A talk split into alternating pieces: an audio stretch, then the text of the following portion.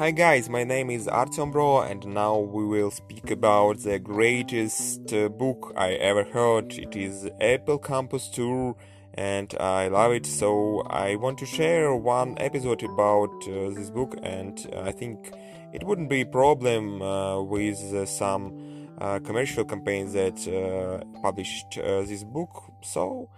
my name is Russian Bro, and welcome to my podcast where I'm reading some beautiful American uh, literature and uh, do it with uh, amazing Russian uh, language uh, and uh, its specific problems like pronunciation and other things. So let's go. And the first one Apple proposes to create Apple Campus 2, an integrated, unfilled, and secure 21st century campus surrounded by green space. This new development will provide a serene environment reflecting Apple's brand values of innovation, easy of use, and beauty. The entire 176 acre site will be redeveloped with, uh, with sorry, sustainable state of the art office, research and development facilities. The project replaces the current uh, disjointed, I don't know what uh, this word mean in Russian, so I ask you to comment this episode of podcast and uh, um, share to me what is disjointed. I think ah disjointed, so it's unpleasant. I understand now. Now, sorry, sorry. Let's go again. Uh, the project places the current disjointed assemblage of aging corporate facilities with a single high performance office. It's really difficult to read this thing. Uh, research and development building with RAP uh, with supporting facilities. That's crazy. Uh, the buildings are located in a um, field and secure landscape with, which extends and connects the interior spaces uh, to outdoor facilities for relaxation, recreation, and reflection. The entire campus, indoors and out, is intended to promote shared creativity and collaboration and spur invention of the next several generations of Apple products. Apple selected the internationally, sorry, internationally renowned architectural firm Foster and Partners, headed by Norman Foster as architects. Foster and Partners has drawn upon its global leadership in sustainability and design to help achieve um, Apple's goals.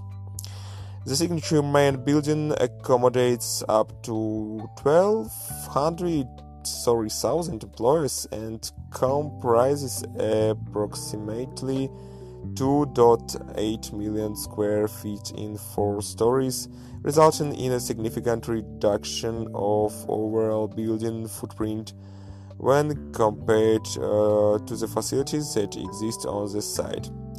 The main building is located and designed to minimize the visual impact on adjacent uh, sorry adjacent uh, residential neighborhoods and to enhance enhance sorry again the exciting deep landscape uh, setbacks at the uh, this word is really difficult. Periphery. Periphery oh my god it's Russian peripheria. Okay periphery. I understand this block of text so it's not a problem at all uh, the other here I will publish in the next uh, 12 hours. Thank you. Uh, please um, um, write some words, and you can even get me two stars uh, because I really want to grow up uh, with my language. So if you think some words uh, that I speak in this podcast are not related uh, to the real pronunciation in English and it's uh, very bad.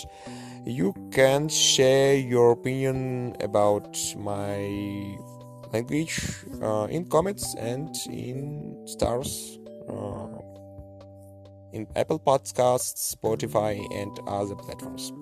Thank you for listening me. My name is Artyom Bro. You can find uh, me by uh, nickname Aranouski on LinkedIn and the service about me.